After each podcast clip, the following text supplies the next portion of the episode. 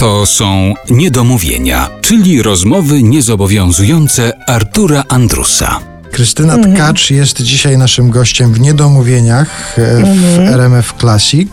Chciałbym wrócić jeszcze do takiego wątku związanego z początkami drogi aktorskiej. Wspominaliśmy o tym, że w szkole w Warszawie powiedziano, że głos nie bardzo i że w związku z tym się nie dostanie, ale już w następnym roku w szkole w Krakowie przyjęto. Chciałem zapytać, jak takie doświadczenia wpływają potem na aktorkę, która staje się też pedagogiem, uczy w szkole teatralnej, czy ty przy egzaminach już jakoś łagodniej patrzyłaś na tych kandydatów, dawałaś im większy kredyt zaufania? Nawet nie wiem, czy zaufania, ale na pewno było to utożsamianie się z tą osobą, y, która zdaje.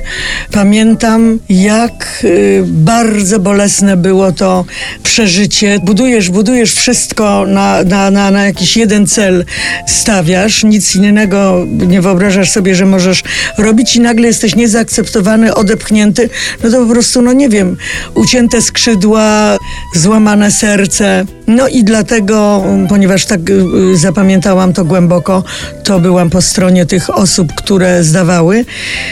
Ale trudność też polega na tym, że mm, coraz większe rzesze zdają do szkoły, więc pomimo, nie wiem, najbardziej szczerych chęci, jednak pomyłki się zdarzają. Pewnie też się zdarzają w drugą stronę jakieś sytuacje, kiedy bardzo się uparłaś, żeby kogoś przyjąć, żeby jednak dopuścić i się okazało, że miałaś rację. To znaczy nie pozwalałam wyrzucić. I pamiętam, że bardzo się kiedyś uparłam o jednego studenta. Nie pozwoliłam go wyrzucić i nawet rektorowi właśnie rejtanem. No i teraz jestem bardzo dumna, bo gra i w ogóle. A on ma świadomość tego, że to pani profesor go ocaliła? Chyba tak, no dlatego, że ja nigdy nie wiem na czym to polega, ale studenci wszystko wiedzą, co się mówi na radach pedagogicznych. Teraz są bardzo proste i skuteczne metody nagrywania w różnych miejscach, Tak. także być może, że taśmy z rad pedagogicznych Akademii Teatralnej też gdzieś krążą.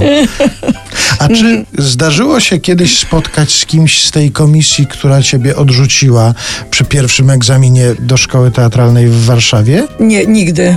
W ogóle nie mam niestety czegoś takiego w charakterze, żeby dociekać, wracać i na przykład się mścić. No wszystko, wszystko czemuś służy, jak wiadomo.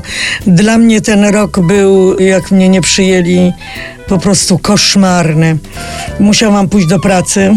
A y, żeby y, mieć y, czas na przygotowywanie się do szkoły teatralnej, to nie poszłam do pracy w takim pierwszym moim wyuczonym y, zawodzie, czyli nauczyciela muzyki, prowadzenia chórów, zespołów, dyrygowania, dlatego żebym musiała poświęcać jako młody pedagog no, no, na to cały dzień, bo to trzeba było pisać wtedy takie bardzo dokładne konspekty.